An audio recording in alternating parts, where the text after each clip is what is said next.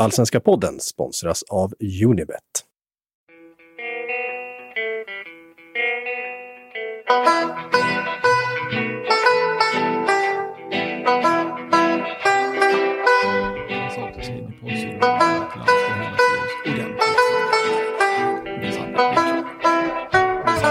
Först sa han att det borde inte bra, men sen sa han att eh, han tyckte det var kul. Hej och välkomna till den allsvenska podden som görs i samarbete med Robert Laul och Per Boman. Det är jag som är Laul och det är du som är Boman. Hej Per! Hallå! I dagens avsnitt ska vi prata om IFK Göteborgs tränarbyte. Är Malmö FF inne i en svacka? Är AIK på gång? Om Häcken som föll tillbaka i gamla synder. Om det fantastiska Sirius som bara ser bättre och bättre ut. Om vilka som egentligen var bäst av Djurgården och Elfsborg i 1 matchen och om Hammarbys mardrömsfacit.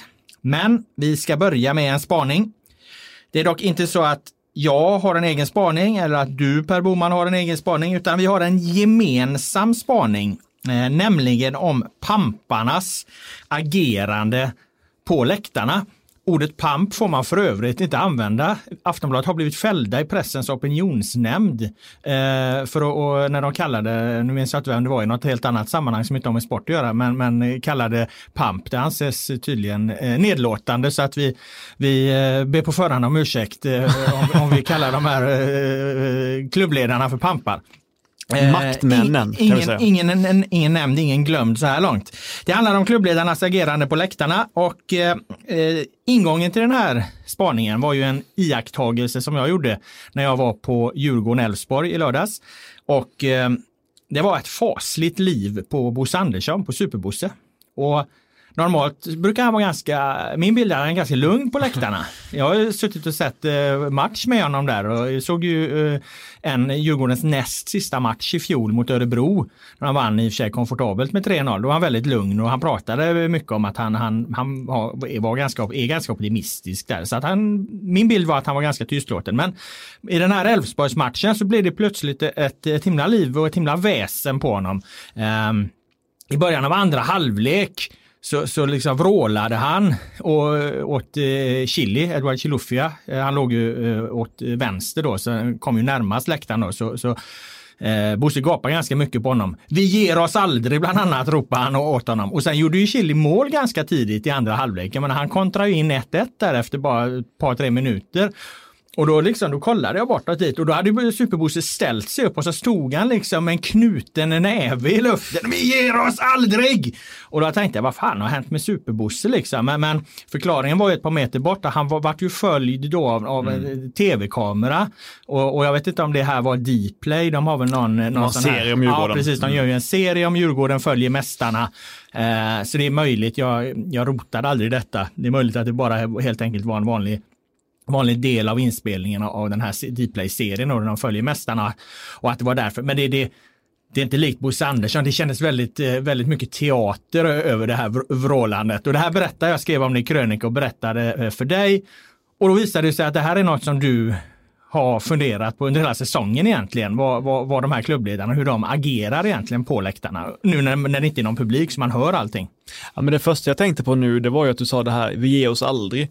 Du vet väl vems valspråk det är? Ja, va? det är ju Östersunds... eh, Det, Och Daniel Kindberg, Ja, men det är väl hela Jo, Östersunds så det. slogan så att säga egentligen va? Så är det. Och om det är någon som har satt den sloganen från början som är det nog Kindberg. Nej men när du sa det där med att det var lite teatraliskt, lite konstlat från, från, eh, från Bosse och då upplever jag att det har varit det från andra klubbledare också då. Jag var på till exempel på på Puskas-matchen, eh, Hammarbys match då.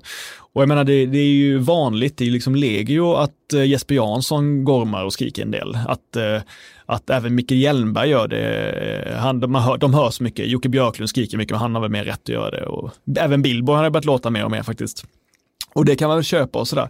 Men sen när jag var på just den här Puskas-matchen, då hörde jag en, en, en femte röst som lät jävligt högt. Liksom. Någon som skrek mycket på domarna, på spelarna och, på, och peppade liksom. Och, ja, men var nästan en hejaklack på egen hand. Tänkte, vad fan är det liksom?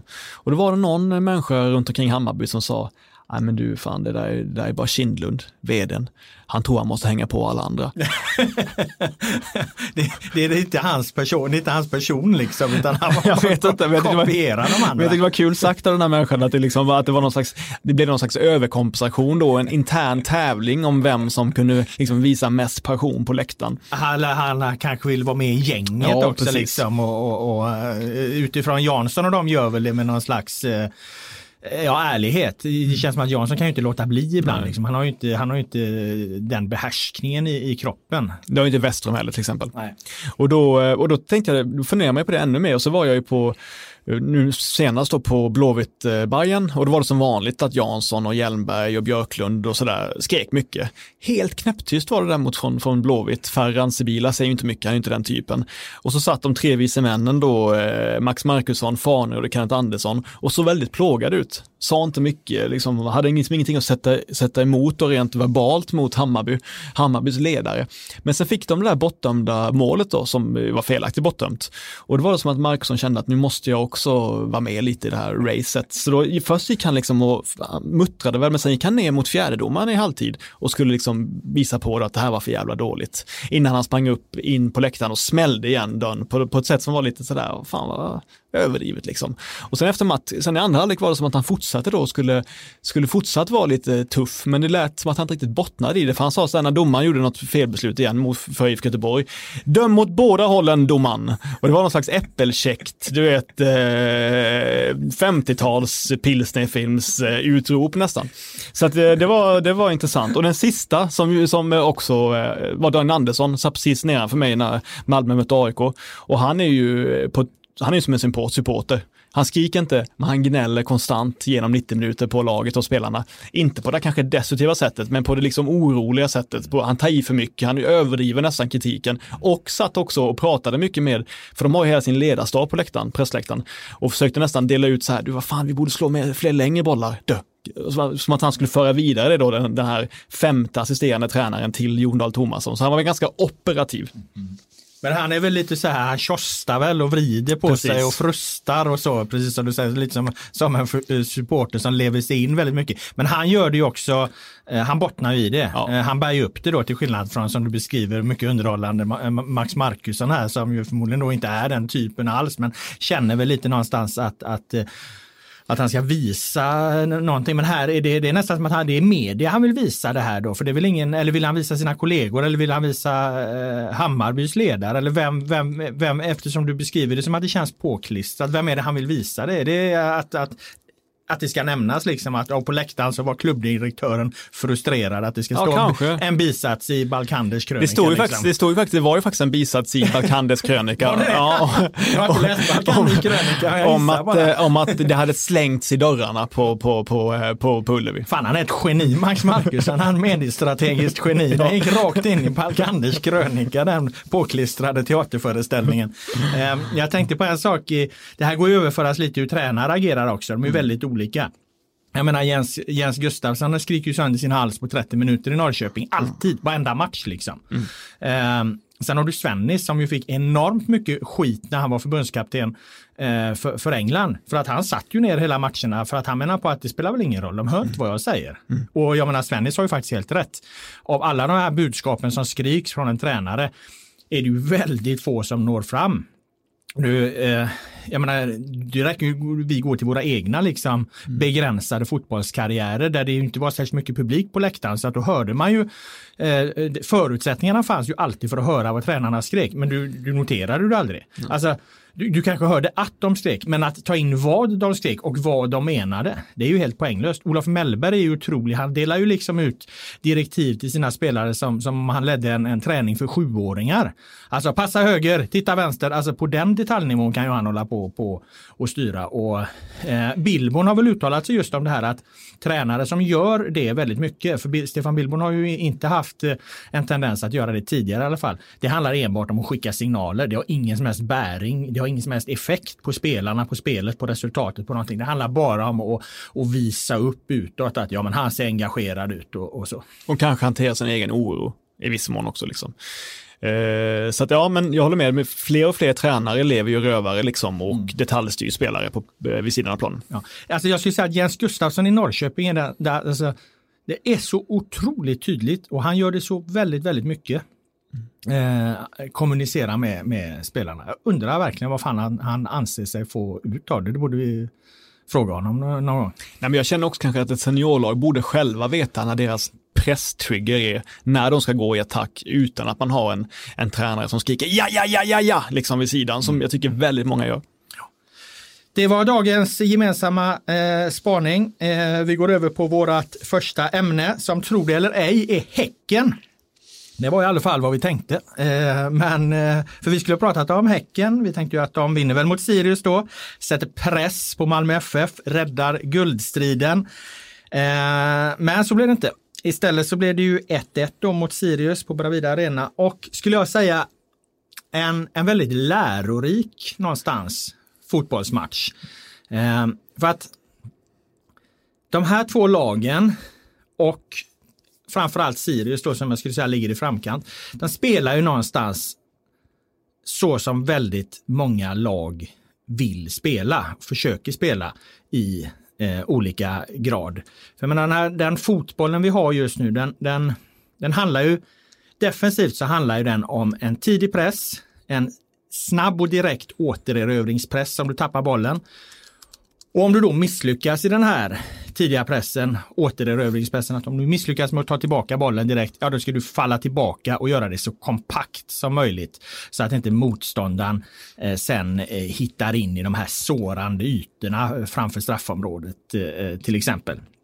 Och eh, Sirius gjorde ju det här på ett extremt imponerande sätt. Och det har vi sagt tidigare. Eh, vi har pratat om det tidigare under, under den här säsongen. Men jag skulle säga att när de nu kom utvilade så såg de ännu bättre ut. Och de gjorde det dessutom mot ett lag då jag menar, Häcken är ju allsvenskans försvarsstarkaste lag. Och, och formstarkaste lag? Ja, de det kanske de är också tillsammans med Östersund tror jag, som, mm, som är också inne i en, en extremt eh, bra period nu. Men, men de har släppt in minst antal mål och, och de är defensivt väldigt skickliga. Så att för att för att såra Häcken så måste du göra något väldigt bra.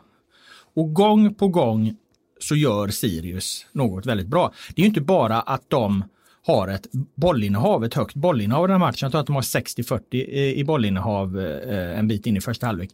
Det är ju att det här bollinnehavet, det upplevs ju aldrig som det gjorde exempelvis i IFK Göteborg, att det gick från sida till sida. För det är väldigt ofta hotande och det är väldigt ofta framåt.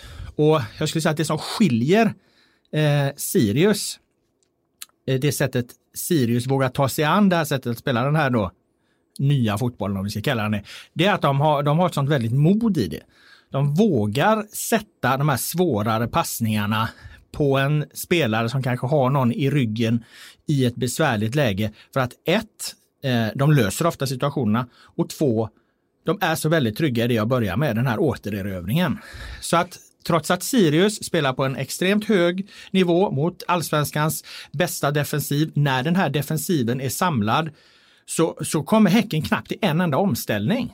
Mm. Och det är inte så att varenda Sirius-passning går fram. De, det blir ett par bolltapp, eh, ett par felpassningar, ett par brytningar. Men då är de som bålgetingar där och stoppar eh, omställningar direkt. I intervjun efteråt så pratade Henrik Rydström, han använde ett ord som jag faktiskt inte hade hört tidigare, han kallade det för kontringsskydd. Eh, och jag googlade på det och eh, då visade det sig att vår, eh, vår vän i, i Borås, eh, teoretikern Jimmy Tillin, har använt det redan 2016 i J Södra pratade Jimmy Tillin om, om eh, kontringsskydd. Men jag kontaktade faktiskt Rydström och frågade exakt vad, vad, fan är ett kont vad, är, vad, vad exakt är kontringsskydd? Är det liksom den tidiga pressen? Är det återerövringsspelet eller är det något helt annat då? Och eh, han kan, vill väl kanske inte avslöja eh, jag menar koden till Fortnox helt då, mm. eller statshemligheterna. Så att eh, han svarade väl lite halvluddigt att det handlar om an, de, inte de spelare som nödvändigtvis har bollen eller inblandade i nära bollen, utan det handlar om de andra spelarnas position mm. ifall det ska uppstå, skulle uppstå en, en omställning. Så att vad, vad, vad, vad Sirius och andra lag givetvis då jobbar med där, det är ju att, att inte bara till exempel göra sig spelbara för att delta i anfallet utan hela tiden spela med beredskap för att här kan det komma en omställning. Det måste vara väldigt svårt det, det, som det, försvarare. Ja, men det är väl liksom det är väl en del av eh, fotbollens utveckling. Det blir mer och mer och, att hålla reda på i, i, i fotbollen. Lite som när du och jag lirade en gång i tiden, liksom att man ställde upp en 4-4-2 så knackar man på, på fyrtornet där uppe och så gick den snabbe bakom. Utan eh, det blir mer och mer att tänka på. Och det här är väl ett, ett utmärkt sätt, eller ett, ett bra sätt att illustrera eh, då, eh, komplexiteten i det och, och att, att ja, men försvarsspelarna har fler saker att tänka på, kanske göra sig spelbara för att delta i anfallet. Ja, de ska också liksom se till så att de har rätt position i förhållande till om nu Häcken bryter bollen. Mm. Och det hade de väldigt ofta i i Sirius i matchen mot eh, Häcken som sagt eftersom Häcken knappt kom till eh, en eh, enda omställning. Däremot skapade ju då Sirius mot det här samlade skickliga eh, eh, Häckenförsvaret väldigt många bra chanser och de gjorde det hela tiden på kvalitet. Det är en passning upp på, eh, på Sigita.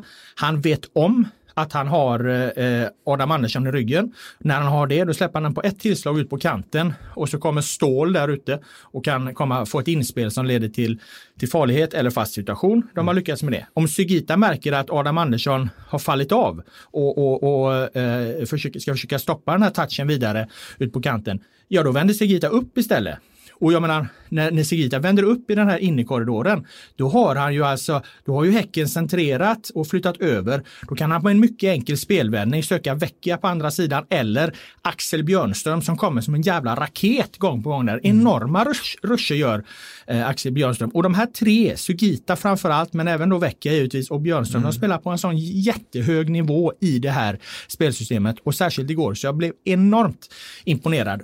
Och då tänker man ju att när det har sett ut så i första halvlek att de hittar upp på Sugita, han gör, tar rätt beslut varje gång, antingen sätter han ut den eller vänder upp.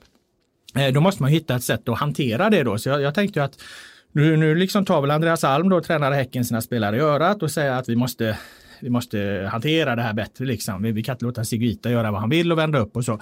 Och jag vet ju inte, jag var ju inte på matchen så jag har inte intervjuat Alm, så jag vet inte vad han sa. Jag tyckte mig se att eh, Adam Andersson inte klev upp i rygg Häckens vänsterback då, inte klev upp i rygg lika ofta på Sugita i andra halvlek utan att Gustav Berggren fick den rollen inne i mittfältan eh, eh, istället. Men eftersom Eftersom det här går så fort och, och Sirius vänder och vrider på det så är det inte alltid eh, Bergen hinner med. Så att eh, Sirius mål kommer till precis på det sättet. Boll upp på Sugita, han har ingen i ryggen, vänder upp, sätter över den på andra kanten. Där kommer Axel Björnström som en raket och breddar in bollen i mål. Och Yasin hänger inte med. Nej, och det är helt perfekt alltså. Det, det, det är en det är, det, är, det är metod, det utförs på ett eh, fantastiskt sätt och eh, Sirius skulle ha, givetvis ha vunnit den matchen om man boll i underkanten av ribban och någon boll i stolpen i slutet. Eh, istället så, så skickar ju Häcken då, då in den, den enormt långa hammar, enormt mm. långa eh, och, och bara knacka långa bollar och, och skapa situationer framför straffområdet och så får de en straff och så är det 1-1 och så blir det en tung eh, eh, bussresa till, till Uppsala för Sirius, men en otroligt väl genomförd match på alla sätt och vis. Får man ställa en fråga till dig? Absolut. Det är ju... Om jag har några ord kvar nu. Ja, exakt. Det exakt. Ja, men det, var, det var en spännande utläggning. Men jag tänkte på, på vänsterkanten då i, i Sirius som såklart är en av allsvenskans bästa eh, partnerskap. Mm. Om, om eh, alla vet ju vad Vecchia ska göra. Mm. Jag tror inte jag sett honom gå utåt enda gång egentligen. Han går ta mig fan alltid inåt, som du, du nämnde honom som någon slags fattigmans-Robben nästan, fast från, från andra kanten. Mm. Liksom. Eh, och då, det vet man ju då. Mm. Och anledningen till att man ändå inte kan stoppa honom, det är såklart för att man måste ta i beaktning att Björnström alltid kommer utanför också. Mm. För han kommer nästan alltid utanför, vilket gör att man måste ha två spelare att hålla koll på. Men är det inte värt att släppa, att, att stänga av sig Vecchia helt inåt för att, ge, att de ska tvingas passa Björnström istället? Det är åtminstone 40 procent. Det är ju det är väldigt farligt, men det är inte lika farligt. Är inte du överraskad att man inte lyckas stänga Vecchia bättre? Jag vet att han har, ja, han ser ju inte sådär, han ser inte sjukt snabb ut och han ser inte superteknisk ut, men han är ju otroligt vältajmad i när han, när han tar det lilla rycket eh, inåt. Liksom. Det han framförallt har är att han har en sån otroligt fin första touch. Mm. Så han vinner ju alltid, han vinner ju alltid så himla mycket eh, rätt in i situationen med den här första touchen. Oavsett vad han egentligen får bollen så tar han med sig den väldigt bra på en första touch. Jo men absolut, i teorin kan man säga det att man ska göra si och så då. Man mm. kanske har den matchplanen, man ska stoppa vecka på det och det sättet. Men sen så händer ju situationer i matcher. Det finns mm. ju ett mm. extremt tydligt eh, exempel i den här eh, Sirius, eller Häcken Sirius. Det är därför jag säger den är lärorik. Det var när, eh, när Ekpolo, som ju gör ett gott jobb mot mm. Vecchia och, och bjuder honom en bra fight. Eh, eh, Ekpolo då, alltså Häckens mm. högerback. Eh, men en, i, ganska tidigt i första halvlek så tar han en djupledslöpning. Han löper in liksom, alltså som Barcelona spelar förr i tiden när du har när, när typ Xavi hade bollen i mitten och så eh, satte han den bakom backlinjen och så kom eh, ytterbacken och, och Alves löpte in där bakom. Liksom. En sån löpning tog ju Ekpolo. Och eh, Lukas Jonsson, målvakten, Sirius målvakt snabbt ute fångar bollen och då har ju Ekpolo gått bort sig så det är tomt. Då ligger Vecchia kvar uppe så då kastar han ett snabbt utkast. Han ser det direkt vilket är bra spelsinne av målvakten att direkt mm. se det utkastet till Vecchia. Bra första touch, sätter upp. Det finns ingen högerback kvar. Då ska, måste plötsligt en mittback komma ut där och då kommer ju Björnström med den här enorma löpningen bakifrån mm. och, då, och då går han ju faktiskt inte inåt Vecchia utan då mm. sätter han den istället på Björnström som kommer på utsidan och så snett in bakåt och hade inte någon annan Sirius-spelare varit där och kladdat ja, bollen då hade Vecchia tryckt in den där istället. Mm. Så att jag menar, det går ju i teorin att göra det men sen uppstår de här situationerna där du vad fan ska du göra? Det går så jävla fort så du hinner helt enkelt inte med. Vet du varför? För att han har inte, det är inte det enda, han har inte bara Robben-alternativet. Han har inte bara att vika in där utan det uppstår situationer där han har andra alternativ och de gör han ungefär lika bra. Mm. Men är det inte, är inte Sirius ett lag som kan vara värt att punkta spelare på då? Tydligare, ännu tydligare. Jag, jag tänkte på det då eftersom jag tittade på i första halvlek hur mycket boll Siguita fick, hur ofta mm. han vände upp, hur mycket han skapade utifrån det, hur metodiskt de sökte honom i den här innekorridoren. Och då tänkte jag det, jaha vad ska de göra? Ska jag sätta liksom en gubbe i ryggen, precis mm. som du tänker. Alltså jag, jag, tror liksom inte det. Jag tror, att, eh, jag tror att man ska inte krypa ihop så mot Sirius. Det är lite som när man möter Malmö FF. Eh, Malmö och Sirius är många gånger för skickliga eh, för att spela lågt mot. Du måste, du måste ta dem tidigare. Du kan inte hamna i de här situationerna mot dem för på, på en bra dag då, då, då slår de ut en, en samlad backlinje i allsvenskan. Eh, Malmö gör det på eh, enligt samma principer men de har mer fysiskt kraftfulla spelare så de, de, gör det på ett annat sätt. Sirius har ju extremt, spelare som är extremt skickliga på små ytor, vänder upp och allt det här då. Så de gör det på sitt sätt. Eh, men, men så att jag tror inte på punkter, jag tror mer att, att undvika att hamna i de här eh, låga försvarsspelet hela tiden. Det är bättre att störa bort Sirius högre. Och jag tror också att när Sirius är i ett sånt flow då måste, då, då, Alm borde väl satt in den extremt långa hammar tidigare, bara knacka långa bollar, för då tar man ju bort eh, effekten av Sirius eh, återerövringspress. Då, då ger man dem inte möjligheten att göra de sakerna de är bra på. Mm. Eh, så att lite, lite så här så, så gav ju Häcken dem matchen, men det är ju också det Häcken är bra på. Häcken är bra på, på att samla sitt försvar och sen, kon, eh, sen bryta, ställa om. Nu mötte de ett lag som var bättre. Mm. Och, och, då kom de undan med blotta förskräckelsen Häcken fastän de ligger delad tvåa i allsvenskan. Eller tvåa i allsvenskan. Det intressanta är att Häcken har ju fått mycket beröm på att de är det laget som då åtminstone tidigare varit bäst av alla på att anfalla centralt, på att mm. hitta in med insticken på Irandust och så vidare. Även då i när motståndarlagen backar hem. Liksom. Eh, men de har en överman då kanske i Sirius? De har absolut sin överman där, men det är klart att det är ju Häckens spelare givetvis. De mm. har yttrar som går in i planen och, och, och spelar väldigt centralt. Det är bara att titta på, på det där ur ett statistiskt perspektiv hur Häcken ser ut. De slår inga inlägg. Nej. Däremot så kommer deras yttrar till avslut. De har Leo Bengtsson och, och, och de har Yashin där.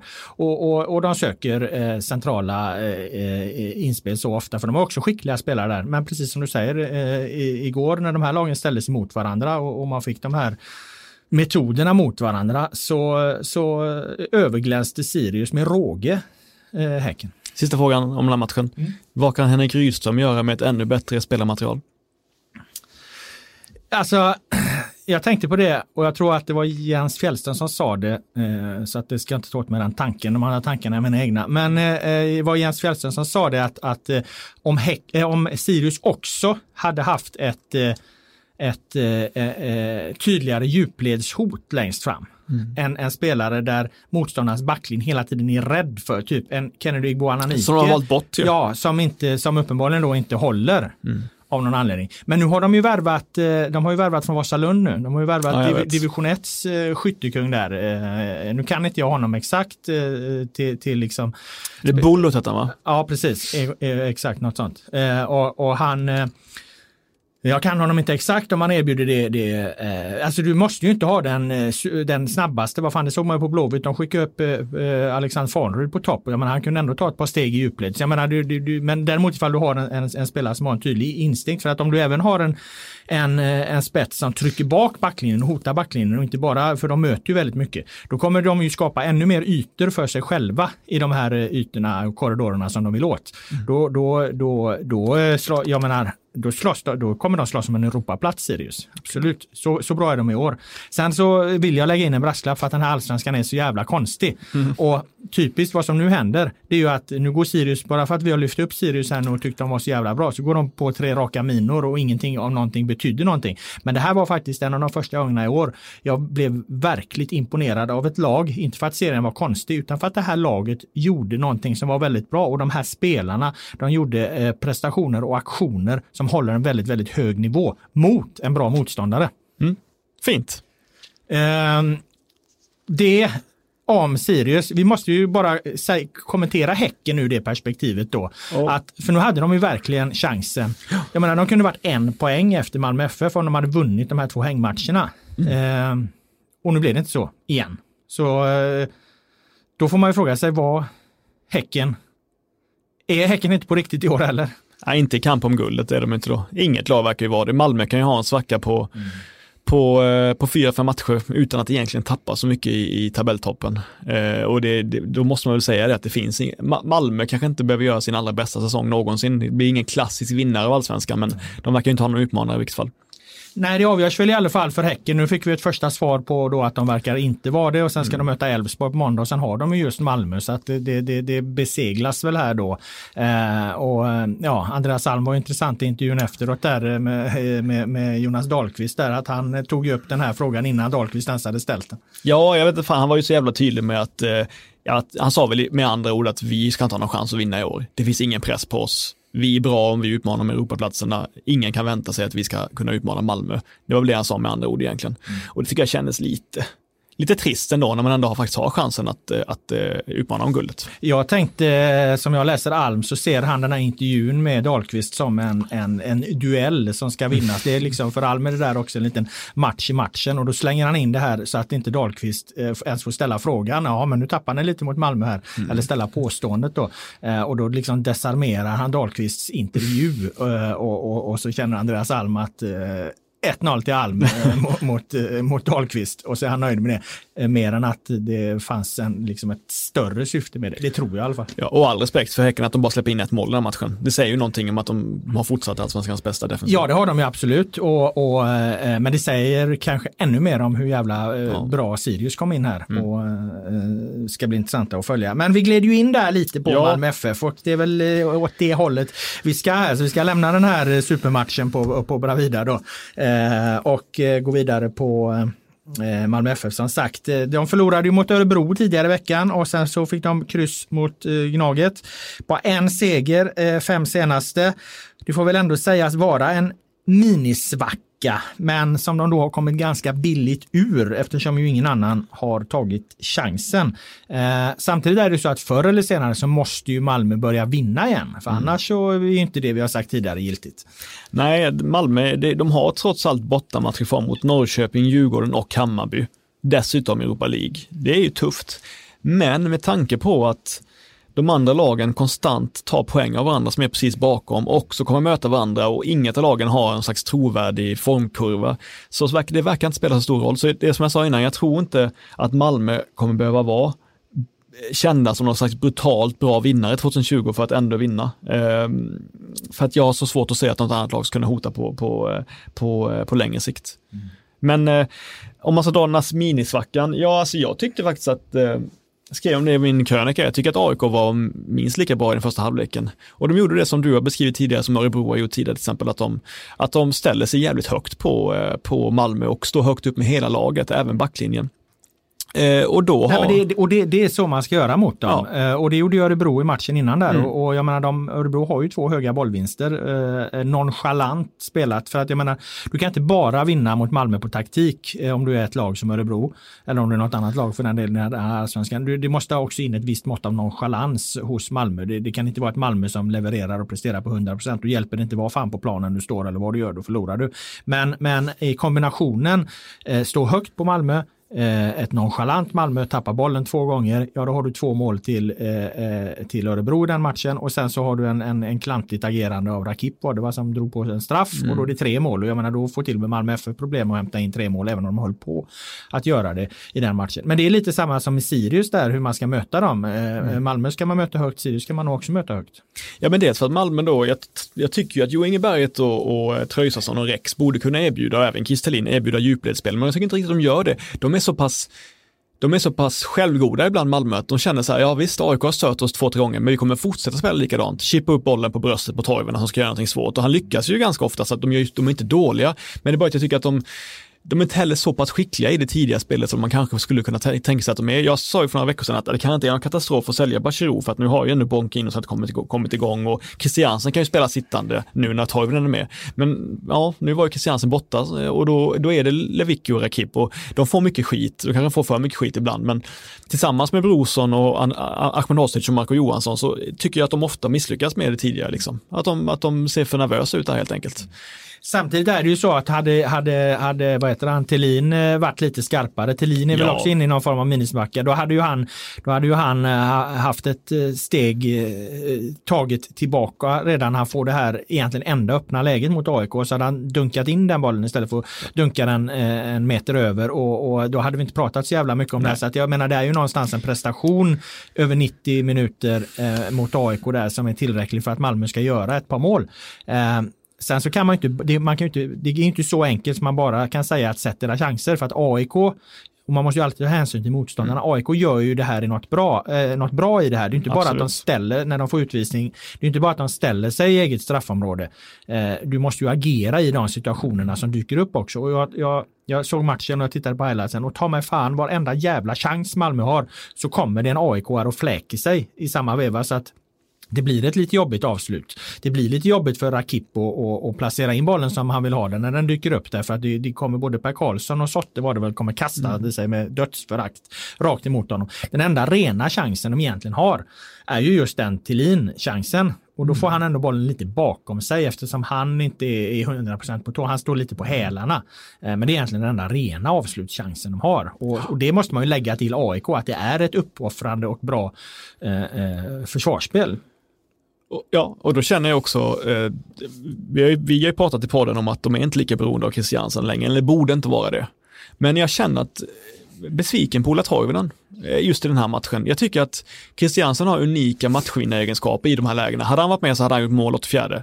100% säker på det eller spelat fram till det. Och jag tycker man kan vänta sig att Ola Toivonen ska vara lika utslagsgivande. Eh, både mot Örebro borta och i en sån här match. Eh, så att eh, Ola Toivonen har nog Alltså han gör många bra saker, men han har bollen i farligt läge 35 gånger den här matchen.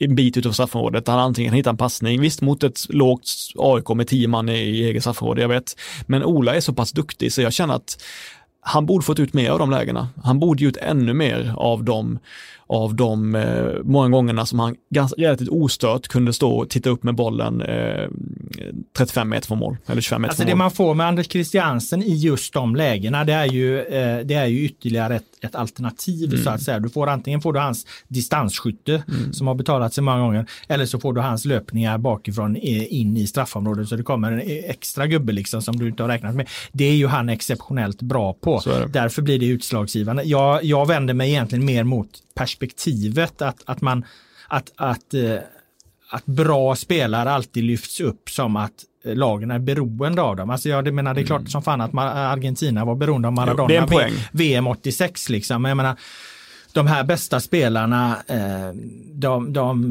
de, är ju bäst för att de är bäst så, så att säga och, och, eh, när de spelar så ska de ju användas precis som de gör. När man då ja. inte, eh, man kan liksom inte, man kan inte ha, ha man kan inte ha en ambition att ha de bästa spelarna och sen liksom ta någon slags höjd för att de inte ska spela utan man måste bygga laget efter att de ska spela. Så att jag vänder mig egentligen bara mot perspektivet. Jag förstår vad du menar. Man är ju hellre beroende av en spelare än att inte ha honom alls. Ja, jag menar, det, jag menar det. Så det, är det, det, det, blir, det är ju ett lyxproblem i, i, ja, i hög utsträckning än ett, än ett riktigt problem. Pseudo-perspektiv. Å andra sidan så är det ju ett, får ju Malmö ändå fundera på hur ja, de hanterar matcher utan honom. Så är det ju. När han inte är med så blir det ju någonting de måste hantera och, mm. och eh, eh, ibland gör de det bra, ibland gör de det mindre bra. Och vad jag menar är att eh, mot AIK så tycker inte jag att de gjorde det så dåligt. Nej. Däremot tycker jag att de gör det dåligt mot Örebro, fast kanske inte just att han försvinner då utan det är andra saker som de i den matchen gör dåligt. Jag menar de tappar bollen två gånger på egen planhalva mm. exempelvis. De, eh, Rakip eh, orsakar en, en, en, en usel straff. Eh, vad jag menar är att, att mot AIK så skapar de ändå tillräckligt för att vinna även utan. Mm. De har inte den lilla grädden men de övriga på planen de, de gör ungefär vad som kan förväntas av dem. Möjligen då med undantag från att, att Thelin står lite på, för mycket på hälarna och att eh, du förväntar dig lite mer av Toivonen. Hade bara liksom AIK orkat också fortsätta stå högt upp. Jag menar, de, de är ju jag kanske överdrev lite när jag skrev min De var kanske bra i 20, 30 minuter, 35 minuter max. Sen tappar de ganska mycket av sitt spel, men då är ju faktiskt Malmö i hög utsträckning söndertrasade, bortsett från eh, några enstaka tillfällen när Erik Larsson kommer fram längs högerkanten och då gör han ju varannan grej bra och varannan grej halvbra. Liksom. Han har ju inte, inte han, jag, jag gillar Erik Larsson, men han har inte alltid den perfekta offensiva Eh, kvaliteten i de, i de lägena. Men sen så är det att de orkar inte så, så tillbaka och det är klart det går ju inte att göra det borta mot Malmö. Sen har ju Malmö ett inläggsspel och ett e- enormt tryck resten av matchen. Eh, som då, som du sa innan, AIK hanterar eh, med ett visst lugn som jag inte hade haft som jag hade stått i alla fall och som många lagen tar. Men vi lämnar Malmö där och ja. Eh, konstaterar att de har viktiga matcher framför sig. Eh, de har eh, både Norrköping och, och Häcken här. Det blir det avgörande dagar väntar och dessutom Europa. Men vi glider över på det vi är inne på då som sagt mm. och det är ju AIK då. Du ser ändå tendenser till att AIK börjar få utväxling för denna då jag menar de ligger alltså eh, på samma poäng som Helsingborg på mm. kvalplats. Mm. Och tittar du på, på den spelartrupp de har så, så, så, är det ju givetvis inte ett lag som ska vara där. Det, det är ju en jättestark trupp i förhållandevis till att de ligger för fan på i, i botten. Ja. Så är det ju. Man ska ju inte vara, man ska inte vara så här, man ska inte hylla AIK för att de kan stå upp hyfsat mot Malmö borta. Så är Nej, det inte, de för att de har ju så pass bra spelare. Backlinjen är ju jätte, jättebra liksom med Micke Lustig till höger, Erik Karl, en av de bästa unga spelarna i allsvenskan till vänster eh, och eh, Papagian Papagiannopoulos och, ja, eh, och Per Karlsson centralt. Det är jättebra och de är jätteväl skyddade också med, med Ado nu som har kommit in och är mycket bättre när han får spela ett spel som han klarar av liksom. Men, men eh, och jag tyckte att det var bra att de spelade 4-3-3 också. Det kändes liksom när man såg uppställningen tänkte man, jag vet att han kanske inte haft möjlighet att göra det tidigare för att ibland har Abraham borta, ibland har eh, Bahoui borta och sådär Nabil. Eh, de var inte briljanta men i första halvlek tycker jag att det fanns mycket det var inte det här enkelspåriga inläggsspelet som de körde ett tag, utan det fanns en annan kombinationsspel. Jag tycker de hittade in ganska ofta där. Jag tyckte de var rörliga och fina, både Nabil och eh, Paulus Abraham.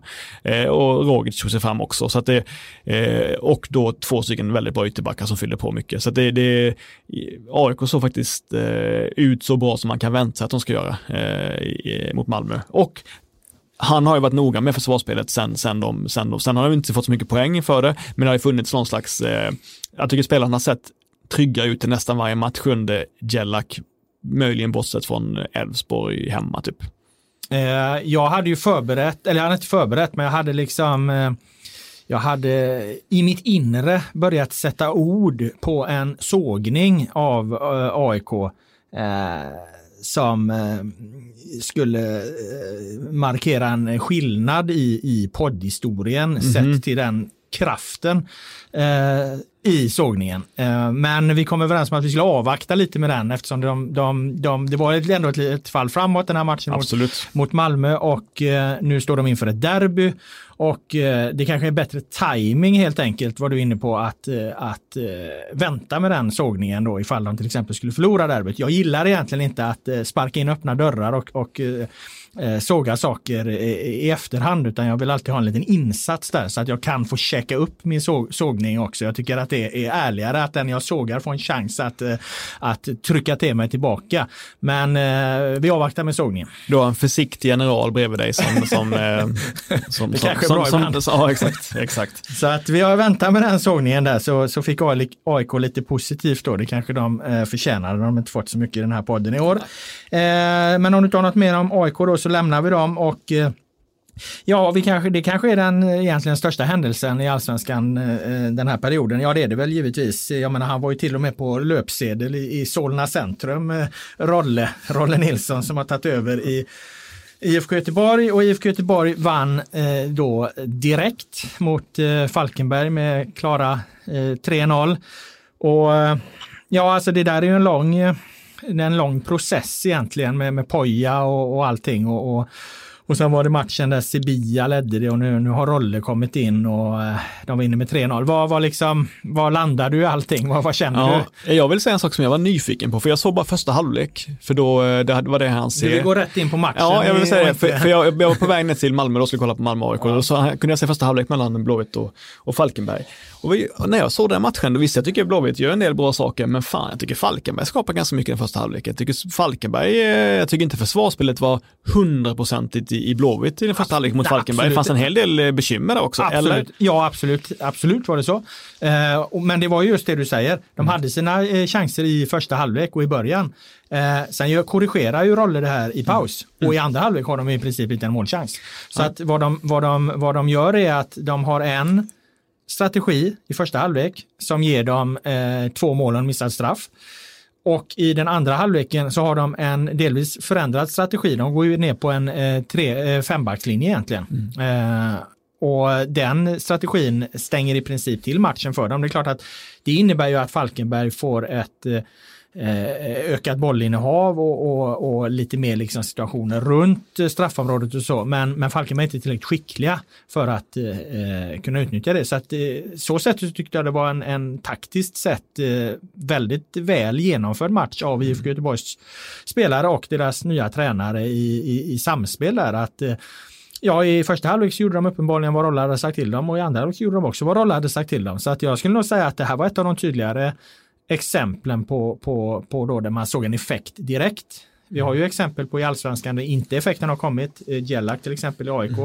Eh, Vi har exempel på där effekten har kommit direkt. Eh, Avraz, A- Azravjan, Amir Azravjan i eh, Östersund. Eh, och nu fick vi då ett exempel i alla fall i en match där, där eh, vi fick en Roland Nilsson-effekt. Då. Så att eh, ja, det är korrekt att i första halvlek eh, hade Falkenberg en del chanser, men då var de också lite mer offensivt balanserade. I andra halvlek när de hade gjort sina mål, ja då stängde de till.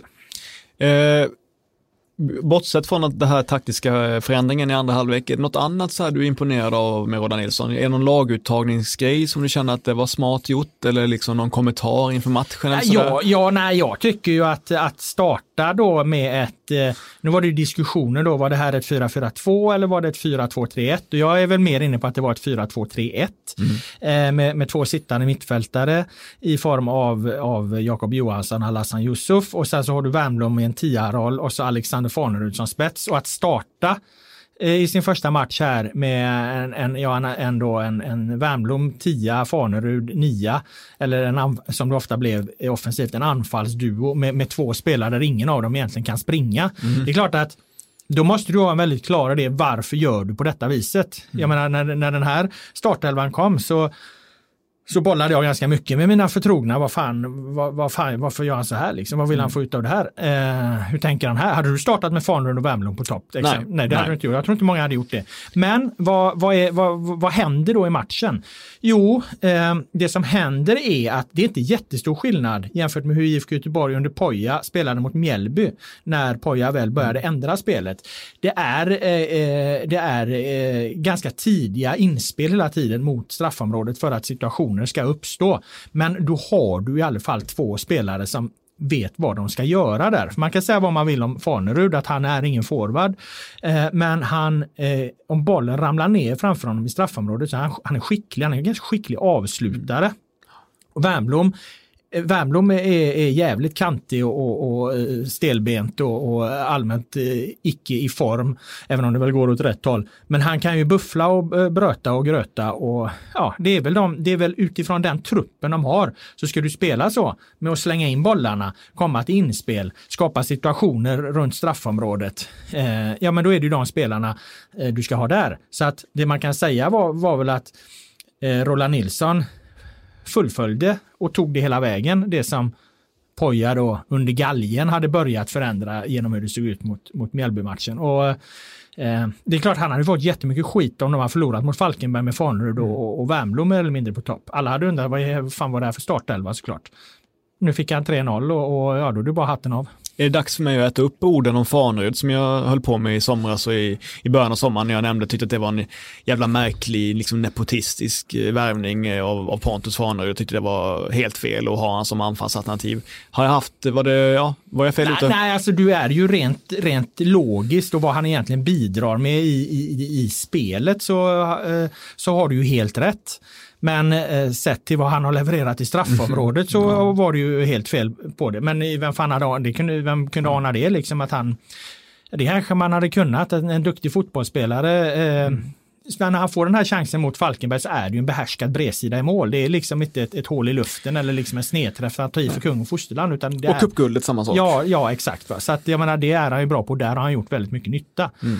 Eh, men det, det, det, är klart att eh, ska man se tränarbytet i ett eh, större perspektiv så tycker jag ju att IFK Göteborg gör ju ett helt rätt som eh, gör en förändring i, i, i det här läget eftersom de börjar hamna så nära eh, nedflyttningsstrecket och eh, Poja hade varit det länge utan att få en effekt på det det var, har ju också blivit uppenbart att det har varit ett, ett överdrivet fokus på hur man ska spela i förhållande till hur ska vi vinna fotbollsmatcher. Förr, förr eller senare så, så blir det ju där någon slags kravlöshet och, och en, en nedmonterad vinnarkultur. Eh, Rydström, apropå honom, pratar väldigt mycket om vad han har gjort i Sirius, är ju att höja kravbilden. Liksom. Vi måste upp ett par nivåer. I IFK Göteborg har man ju stegvis monterat ner den då för att eh, uppnå andra saker. Och där, jag menar, det, det var ju i mångt och mycket Pojas uppdrag. Så jag måste säga att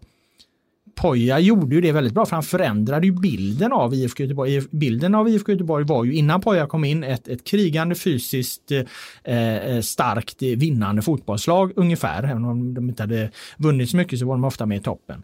Eh, när Poja lämnade så var, det ju, var ju bilden snarare liksom ett, ett, ett ganska trevligt sidledsspelande eh, fotbollslag. Så oavsett vad man tycker om de här olika mm. bilderna så, så är ju en sak helt säker och det är att de är helt motsatta. Så han gjorde ju någonting, han åstadkom ju en väldigt stor förändring. Däremot åstadkom han ju ingen förändring i att vinna matcher. Där misslyckades han ju. Och det är ju ändå någonstans kan jag tycka i en klubb som IFK Göteborg så måste det hela tiden vara överordnat. Och nu har man då, nu har ju styrelsen och klubbledningen gjort en rad åtgärder mm. där hela tiden fokuset är att det enda vi bryr oss om är att vinna fotbollsmatcher. Ja, eh, absolut. Du pratade om kravbilden där. Alltså, jag tycker att en kravbild ska ju vara i relation till vad man har för spelarmaterial. Och vad han hade för spelarmaterial på i första säsongen, då eh, var det rimligt att kravbilden var låg, liksom, eh, tycker jag. Liksom. Även i andra säsongen tyckte jag det till en början. Då. Eh, sen har de ju allt bättre spelarmaterial och då kan ju inte kravbilden ligga kvar på samma låga nivå längre. Liksom. Och det där, tyckte jag, där tyckte jag inte att kravbilden hängde med i samma takt som att eh, truppen utvecklades och blev starkare och starkare. Liksom. Mm. Eh, för att jag menar, det var ju helt enkelt jävligt dåligt att ta så få segrar med ett så pass eh, relativt sett starkt spelarmaterial. Mm. Sen kan man då fråga sig, nästa fråga är ju då var Roland Nilsson rätt person att, ta in där? Det fanns ju en rad andra alternativ och jag menar den som var allra hetast var väl eh, Jens Gustafsson och varje gång ett lag byter, det är, ju, det är ju något där, varje gång ett lag byter tränare nu, ett, ett eh, någorlunda stort lag, ja då kommer Jens Gustafssons namn upp och, och det handlar ju inte bara om vad han gör på planen med IFK Norrköping sett till, mm. jag menar hur många vinster klubben IFK Norrköping tar, utan eh, eh, det handlar väldigt mycket om eh, att han säljer spelare, har sålt, varit delaktig att sälja alltså, spelare för så dyra pengar, utvecklat unga spelare, sålt vidare, han är ju manager då. Mm. Så det är klart att, att eh, storklubbar, större klubbar än Norrköping, eh, trånar efter Jens Gustafsson och det gjorde ju uppenbarligen IFK Göteborg också. Men vad det rimligen föll på, eh, kan jag tänka mig, det är ju att kan man ta in en manager när man precis utsett en ny sportchef?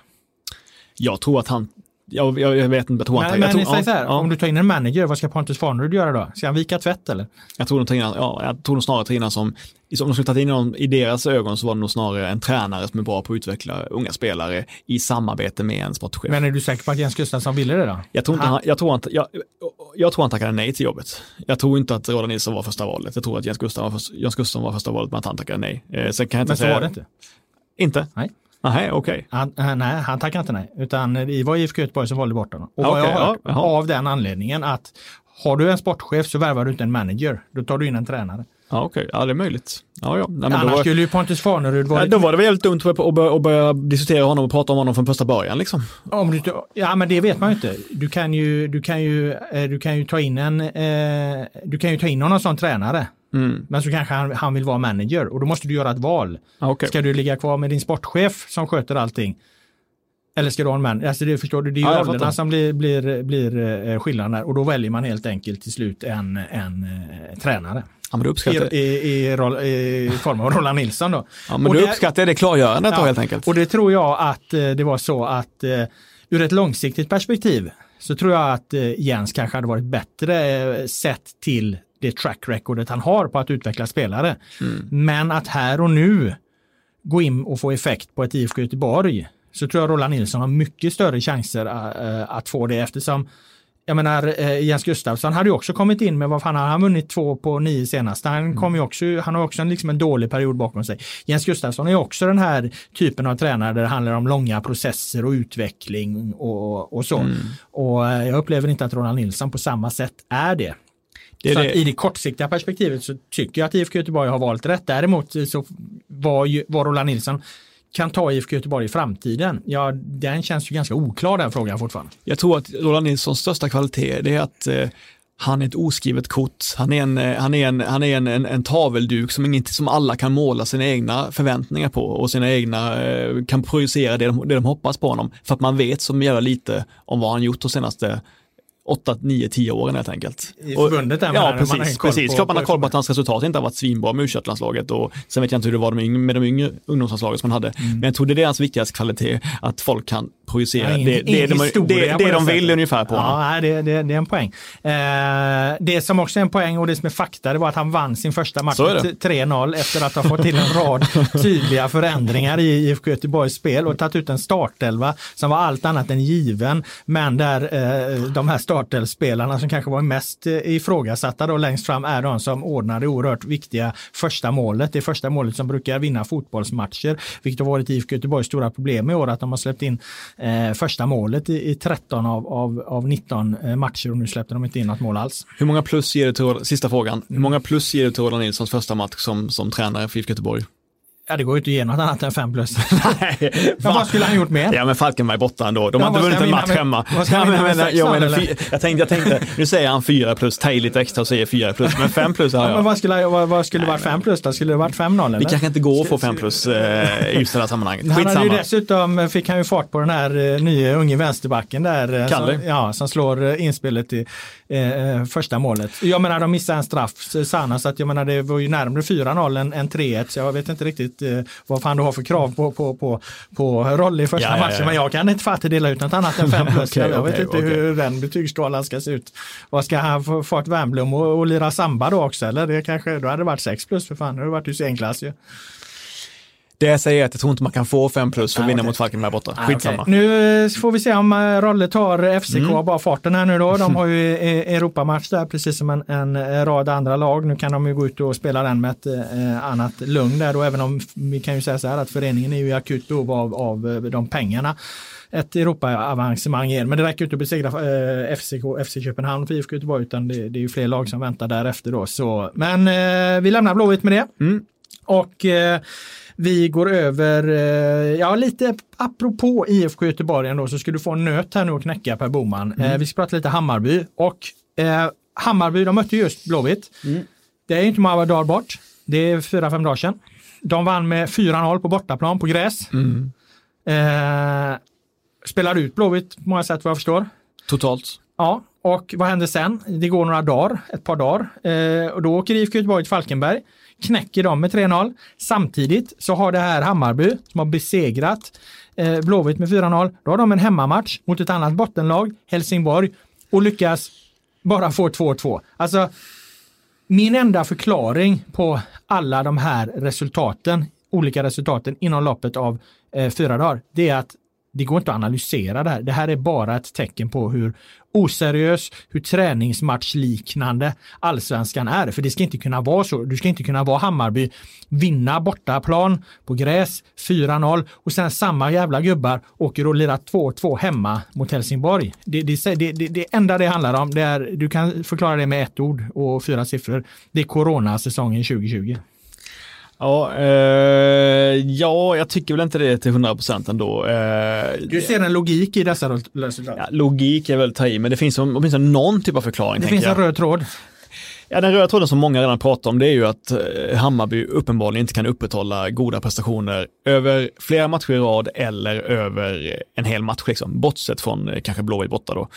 Eh, och vad det beror på, det finns ju olika förklaringar till det, men jag tänker så här, alltså det här, det här är ingen, eh, det här är ingen eh, revolutionerande insikt tror jag inte, men det jag tänker på är att anledningen till att Hammarby är så opolitliga, det är så att för att det enda skälet är enklast möjliga, i år har de inte råd att vara lika dåliga i försvarsspelet som de var förra året. Det är den, det är den enda förklaringen. Eh, jag kollade, gick igenom alla målen som de har släppt in, Hammarby, för att kolla på dem liksom. Eh, ifall de var tydliga misstag, vad som ligger bakom, ifall det är motståndaren som gör någonting bra eller vad det nu är. Och då kategoriserade de utifrån tre olika kategorier. Och det var eh, tydliga misstag eh, eller dåligt försvarsspel. Eller så är det fasta situationer, alltså straffar eller hörnor eller, eller inläggsfrisparkar. Eller bra gjort av motståndarna. Och då landar jag i att 11 av målen är bara rakt av dåligt försvarsspel. 12 av målen är på fasta situationer, alltså hörnor eller straffar som också då, man drar ju på sig straffar för att man är dålig i svarsspelet, eller hur? Det är ofta är det så för att man inte är skicklig nog i de lägena. Och fem av målen eh, är på grund av att motståndarna har gjort någonting så pass bra så att man kan inte räkna med att man ska kunna stoppa det helt enkelt. Ehm, och jag tänker att det är, det är väl rimligt att man släpper in många mål om man har nu vill jag inte kritisera honom personligen, för det är inte han som har valt att spela där och han har många goda egenskaper i offensiven. Men om Tim Söderström nu spelar ytterback i match efter match efter match, ofta gör det, då är det väl rimligt att han kommer göra misstag där vi. Det är ju en, det är en risk man tar av att spela en spelare som i grunden är mittfältare, innermittfältare eller ytter. Om man nu spelar ytterback ofta och har bara en back, mittback bredvid sig nu när de spelar fyrbackslinjen igen, då kommer man släppa in en hel del mål. Det var ju likadant nu mot HIF igen, att, att eh, de får sin, eh, eh sitt 1-1 mål blir det väl, eh, genom att han går bort sig totalt och så kan de eh, enkelt kontra in 1-1. Eh, svårare än så tror inte jag att det är helt enkelt att förra året så kunde de släppa in två mål per match och ändå vinna dem. Det går inte längre. Mm. Alltså, och det finns väl någon slags logik i det. Ja, det finns en logik i det och det, det du nämner där med fasta situationer och, och då är det frågan, eh, då kan man eh, säga att det är dåligt att släppa in mål på fasta situationer. Ja, det kanske det är. Samtidigt så är ju att skapa fasta situationer är ju någonting som eh, fotbollen går ut på väldigt mycket. Mm. Ett, ett, ett, en del av en anfallsstrategi är ju att komma till tillfällen som kanske ger fasta situationer och se mm. just det som en möjlighet. Så det är väl frågan var man ska lägga fasta situationer. Det kan ju också vara, menar jag, en del av bra motståndaren. Så är det ju, men eh, Billborn har själv varit inne på att nu har jag sagt till mina spelare, mm. se nu inte till att de får enkla fasta situationer ja. utanför straffområdet, men det får de ta med fan hela tiden liksom. Ja. Han kan, uppenbarligen är de inte skickliga nog för att hantera det, för att de har så mycket annat att tänka på också i offensiven. De ska ju vara, de ska ju vara renässansmän i offensiven konstant och det kanske är svårt att hela tiden vara så påkopplade i defensiven då. Eh, och jag har ju läst flera texter och pratat själv med Billborn och han menar ju också att eh, att Hammarby, till skillnad från förra året, i år får de inte tillräckligt bra betalt för de tillfällena i matchen när de är riktigt bra. Förr i tiden, eller förra året, så gjorde de kanske två mål vid varje, vid varje period i en match när de, när de var överlägsna. Nu gör de bara ett mål hela tiden. Det gör att de bara har en ettmålsledning mot Helsingborg hemma. Byter ut då sina bästa offensiva spelare, är tvungna att göra det för att de ska spela i Europa igen. Och får då avsluta matchen eh, i ett 2-2-läge med tre defensiva mittfältare, typ tre mittbackar och sen så ska Amo, Aron Johan, Johansson och Ludvigsson lösa det på topp liksom. Eh, jag tänker att eh, det är ja, det, det, jag vet inte, det är svårt att gå in på det. Har de sämre offensiva spelare i år än förra året? Ja, inte lite, men inte jättemycket. Men de får inte lika bra betalt av de bra perioderna som tidigare.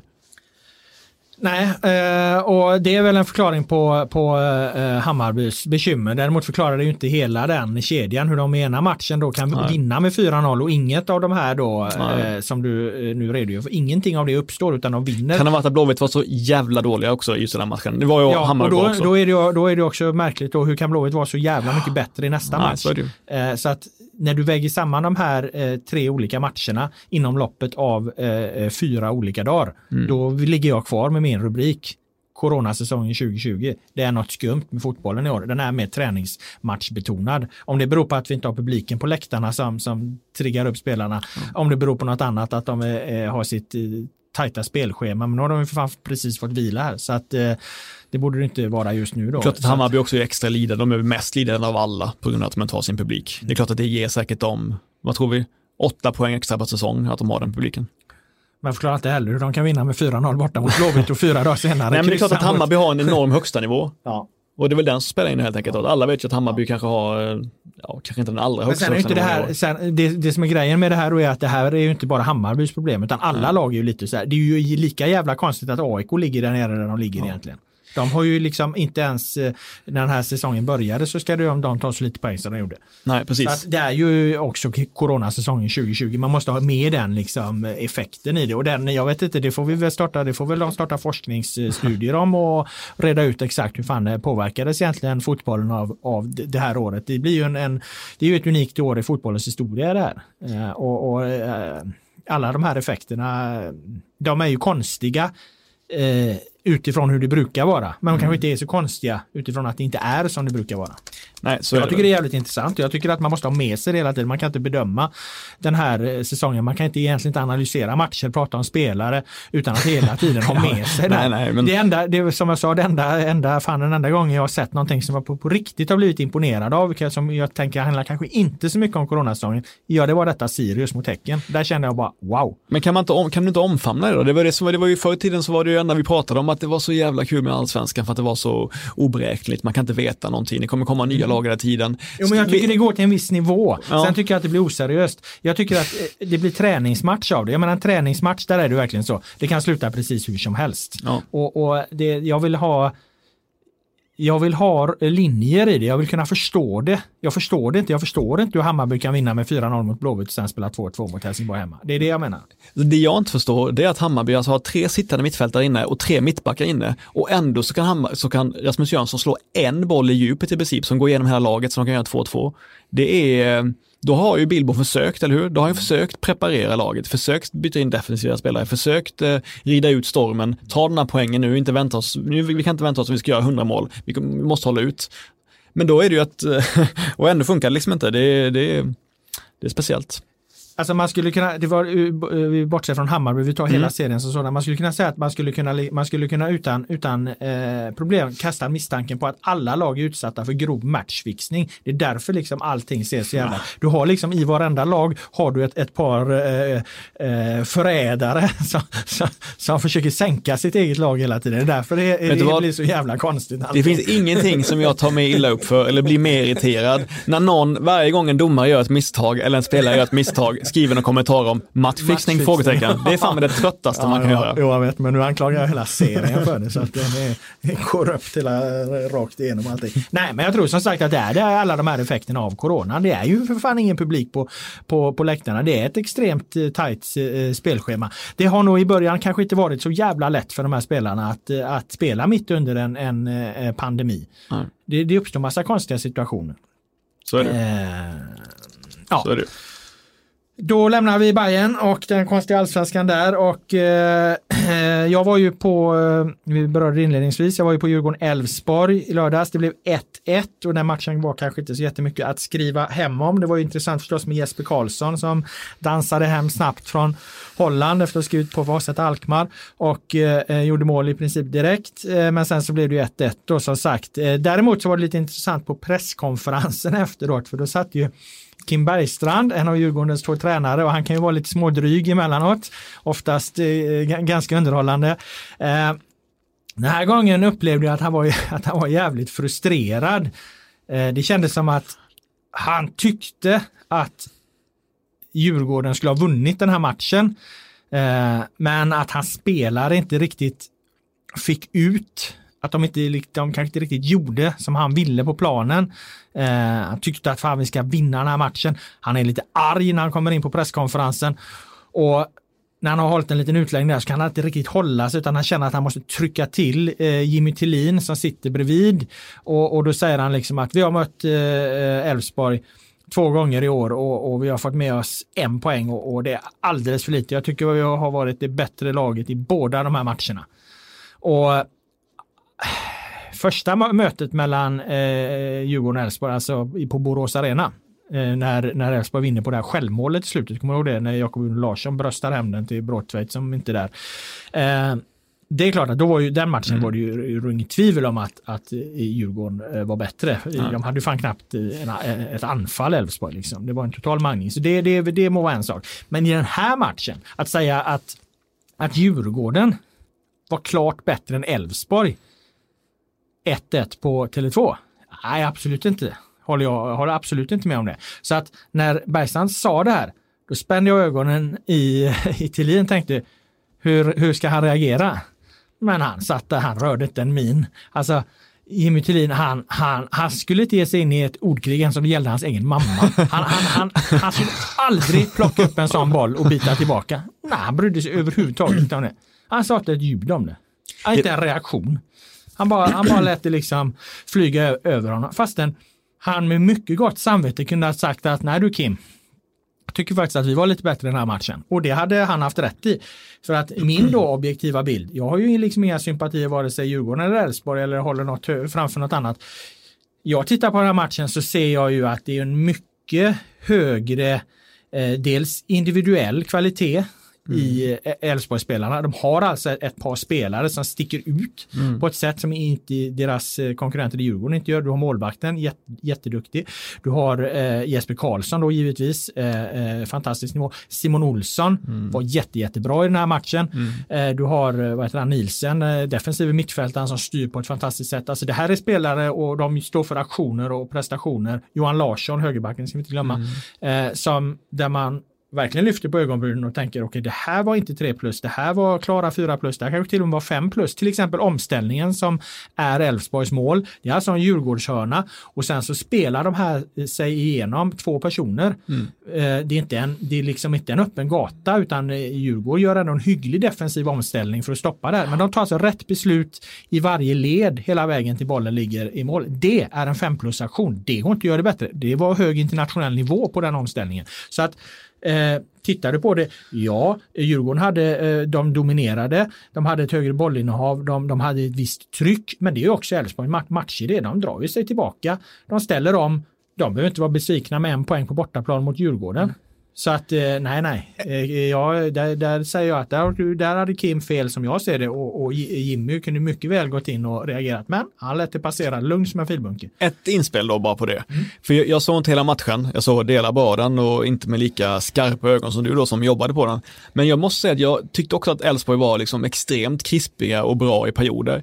Men jag såg också vissa delar tänkte jag att eh, så såg jag att Elfsborg som aldrig kom ur pressen typ när Rasmus Alm börjar finta på egen eh, planhalva och slå bort en boll rakt i gapet på Djurgården så deras press fortsätter. Jesper Karlsson gjorde det flera gånger. Alltså att de var ganska naiva ibland ändå på sätt som jag inte upplever att Elfsborg varit i år. Att alltså, Djurgården kunde, kunde gång på gång ta tillbaka bollen och fortsätta ett tryck. Men att Djurgården inte har någon enda spelare som kan eh, på något sätt fixa det i offside straffområde liksom. Du jag menar, ingen spelare som kan dunka in den, ingen spelare som kan nicka in. De har en på bänken i och för sig, Kujovic, men han startar ju inte. Mm. Alltså jag upplevde att, de, att Djurgården fick ett jävla tryck ändå ofta för att Elfsborg var dåliga på att eh, freda sig i, i perioder på ett ganska svagt sätt. Är enig, alltså dina, jag är enig, du, dina, eh, dina iakttagelser från matchen är ju eh, eh riktig, men om du gör en helhetsbedömning ja. av det Eh, och, och du, du, ställer det mot att, att säga att, att Djurgården var klart bättre. Nej, det, det, tycker jag inte nej, de var. Nej. Då, då, då kommer man till slutsatsen att nej, det var de inte. Alltså nej. de här aktionerna som sticker ut, där är det Elfsborg som har spelare som, som levererar på en eh, mycket högre nivå. Sen mycket riktigt, som du är inne på, Djurgården får det här trycket. Eh, Elfsborg kommer inte ur det alla gånger, men det leder inte till någonstans och då faller ju det där ganska platt. Mm. Eh, kan man säga då att de saknar spelare i Djurgården, men de, eh, vad fan, eh, Elfsborg saknar ju eh, mittbackspjäsen eh, där. Mm. och Komo. Komo. Med hans fantastiska uppspel. Jag menar, när de inte har Komo, då tappar de ju dels den Dels tappar de eh, kvalitet defensivt, men så tappar de framförallt det här anfallsvapnet i hans crossbollar och det är mm. ganska väsentligt för dem. Sen ska mm. man tänka på att eh, Eh, Frick hade ju en, en, ytterligare en boll inne. Elfsborg mm. ett mål som blir bortvinkad. Det är en mycket lam liten knuff. Det var bra att du skrev om det i krönikan. Av, av, av Ulvestad. Som, För jag störde mig lite på det. det börjar, mittbackar börjar nästan bli som målvakter nu. Ja. Så länge man liksom visar att man blivit lite, lite, jag tycker att det är en handpåläggning snarare än en tydlig motrörelse som knuffar bort honom. Jag tycker fan de kunde låta det vara nästan. Det som blir, det som blir problemet för domaren där det är ju att när han lägger sin hand där på ja. då, då är det nästan omöjligt i realtid tror jag att uppfatta mm. av domaren vad är kraften i det? Är det liksom trycker han till med handen eller mm. ligger den bara där på? Eh, för det finns ju någon slags acceptans för att om man går upp i en nickduell och har armen i en naturlig position och den hamnar på någon då ska du inte blåsa. Mm. Men om, om, om spelaren då, uh, Ulvestad i det här fallet, förstärker väldigt mycket och liksom ja. ser ut som man får, när han känner den lilla, lilla touchen i ryggen, faller, ja då blir det ju i efterhand uh, uh, tveksamt om han skulle blåst bort det. Men det är jävligt svårt ja. för domaren att bedöma vad fan är kraften i det. Jag tror helt enkelt vi får, får ja, tills vidare i alla fall eh, acceptera de situationerna. Men det är ju precis som du säger, eh, försvarsspelare har ju lärt sig det här att har de en arm i ryggen och de förstärker det då, ja då är det svårt för domaren att se ifall de blir, verkligen blir knuffade eller inte. Men det är ett farligt spel som back. Alltså det är ett farligt spel att unna sig. Å andra sidan så har han redan missat inlägget så denna kan göra ja, där alltså, är det är ju, Ja, alltså jag menar det är klart att jag menar Fredrik Ulvestad, det, han är inte där liksom för att vinna några fair play-poäng. Nej, nej. Han är där för nej, men, men poäng, ett, ett högt spel om man inte får med sig domaren på tåget menar jag. Ja, nej men det är det ju inte eftersom, eh, ja det är ju ett högt spel så tillvida ifall du ger upp situationen enbart ja. för att förstärka i den och skiter i att nicka undan. Men om det nu är så att Ulvestad ser att okej, okay, ja. jag når inte bollen, jag kommer inte kunna störa nicken. Nej. Mitt sista kort att spela mm. är, är att förstärka. Mm. Ja, då är det klart han ska spela det kortet. Ja. Jag har inget emot det. Men, men, men och, och, och jag säger att det kan vara svårt för domaren att, eh, att eh, ja, hantera situationen rätt eftersom det är en svårbedömd situation. Absolut. Han är faktiskt ganska bra på det Ulvestad. Han är lite Sebastian Larsson i på sättet han, Jesper Karlsson sätter press på dom, domaren på ett lite korkat sätt, jag på ett ren aggressivt sätt. Jag tycker Ulvestad väljer sina lägen lite mer när han ska sätta press på domaren. Ja. Eh, den största debatten bland fotbollsfolket den här veckan har ju annars varit eh, det här med att Häck Häcken och AIK då flyttade sina mm. matcher. Mm. Det är ju sällan eh, eh, det har dundrat så mycket egentligen eh, från vissa personer inom svensk fotboll. Daniel Andersson har aldrig någonsin under hela sin fotbollskarriär varit så här rubrikvänlig som han har varit. Känner sig grundlurad. de senaste dagarna. Han har aldrig uttryckt någonting så, så, eh, så starkt. Möjligen då på, på läktarna sitter och fräser men då har han ju ingen mikrofon under, under munnen. Så att, och sen var ju Nanne var ju förbannad också mm. och, och, och, så. Och sen eh, Ja, eh, det det handlar om då, om, om någon inte har förstått det, det kan vara, vara lika bra att förtydliga det då, det är ju att eftersom, eftersom eh, eh, det har varit landslagsuppehåll så har klubbarna haft iväg spelare på landslagsuppdrag och när de då kommer tillbaka från att ha spelat matcher så blir det för kort tid till att allsvenskan skulle gå, gå igång igen och då har, har, valde Häcken och AIK att överklaga till Svenska fotbollsförbundet och då står det i grundreglerna att, att de måste, då måste Svenska fotbollsförbundet låta de här matcherna flyttas och då krockar det här med en grundläggande överenskommelse som alla då SHF-klubbar hade inför säsongen där de sa att okej, okay, det kommer bli tajt vid landslagsuppehållet, men vi kör, vi flyttar inga matcher, vi håller inte på och byter och eftersom eh, det här då drabbar exempelvis Malmö, det kan drabba Djurgården, det kan drabba IFK Göteborg, det kan drabba eh, Hammarby i den meningen att om de skulle flytta en match Mm. Eh, och de samtidigt går vidare i Europaspelet, då finns det inga dagar för dem att flytta den här matchen. Så att Malmö menar att de blir låsta där då. Medan det inte är något problem för Häcken och AIK som inte har något Europaspel, inga problem för dem att flytta, så kan det bli ett jätteproblem om Malmö skulle flytta, så blir det en orättvisa där då. Och då stod ju Alexander Axén i tv igår och sa att eh, eh, framgång ska inte straffas. Han menar på att alltså, det var inga fel av, av Häcken och AIK att flytta mm. de här mm. matcherna eftersom det är, en, det är en sorts framgång att de har haft med spelare i landslag och då ska de ha rätt att flytta sina matcher då efteråt. Men problemet ja. är ju att framgång straffas ju ändå för att jag menar skulle Malmö nu till exempel gå vidare till Europa League ja. och, och, ja då, då är det ju där, det är ju därför de inte kan flytta sin match mm. och då har ju de som klubb eh, nått en framgång så att då straffas ju deras framgång så att eh, det enda vi kan vara helt säkra på här i alla fall det var, det var ju att Axén är ju snett på det, det resonemanget om att framgång inte ska straffas för att du straffar ju framgång på ett värre sätt. Exakt. Jag kände också så här att jag tyckte det var okej okay om Ja, om, om Sirius också hade velat flytta den, men det vill ju inte Sirius göra. Om Djurgården också hade velat flytta den, men det vill inte Djurgården göra. Om man hade kunnat båda föreningarna gå med på det, då hade jag inte haft sådana problem med det, men nu var det faktiskt bara ett av dem som ville göra det. Och, det tyckte jag, var, och jag kände också att det fanns något, skam, något lite skamset i både Sonny Karlssons och Björn Westerums kommentar efteråt. Eh, Sonny Karlsson sa väl någonting, om de är ledsna så får de vara det. Och så gick jag in på det så här, jag kan inte gå in på exakt vad det här handlar om, men ja, det fanns en överenskommelse, men den var inte så tydlig. Alltså, på den typen, man känner verkligen att de har ut, utgått helt från sig själva, båda de föreningarna i det sammanhanget. Liksom. Ja, alltså det är ju ett rent eh, eh, egoistiskt och på sätt och vis lite hänsynslöst beteende då i, i att man inte respekterar eh, tidigare gällande överenskommelser. Så att eh, nej, jag tycker också att det är dåligt. och eh, ja, Jag tycker det är trist, ofta blir det ju så att när det blir så tydligt att, att, att de är sig själva närmast i vissa mm. situationer. Mm. Det var ju samma med, med, med Helsingborg och den här eh, coronadebatten vi hade där. Mm. Ja, då drabbades de av det. Då skulle de helt plötsligt ha egna regler fastän de har varit med om att bestämma mm. hur ska vi gemensamt förhålla oss till det här. Ja. Nej, minsann när man själv drabbas, ja men då, då, då, då, då, då skiter man i det. Så att eh, nej, jag, jag eh, håller med dig. Jag tycker att det, var, eh, det är fel att flytta de matcherna ifall alla inte är med på det.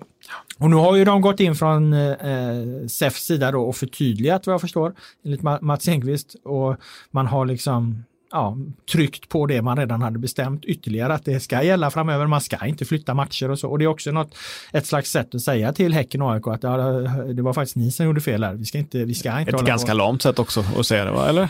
Ja, men vad, det är ju det också det de kan göra. De, mm. de kan ju bara visa på att okej, okay, nu, nu, nu, jag menar, eh, det blir ju en, jag menar, säg så här, hade Häcken vunnit igår, Mm. Nu var det inte den matchen som, som och jag menar Sirius hade ju också en, en flyttad match så att mm. den matchen drabbades ju inte på något sätt, så, eller Häcken fick ju liksom ingen fördel mot Sirius i den Nej. enskilda matchen där. Men säg att Häcken skulle vunnit den så hade man ju kunnat, om man var en skarp krönikör, eh, kliva in och mm. eh, liksom med ett anslag som att eh, fuskarna fick, sig, fick en fördel och nu närmar sig Malmö. Så det, jag menar, det, slog, det, det hade ganska enkelt kunnat slå tillbaka mot Häcken ja. också. Nu vann de ju inte igår så då blev det inte den vinkeln. Men... Vet du vad som är intressant också? Eh, Malmö hade ju spelat en match i veckan. Det hade inte AIK gjort.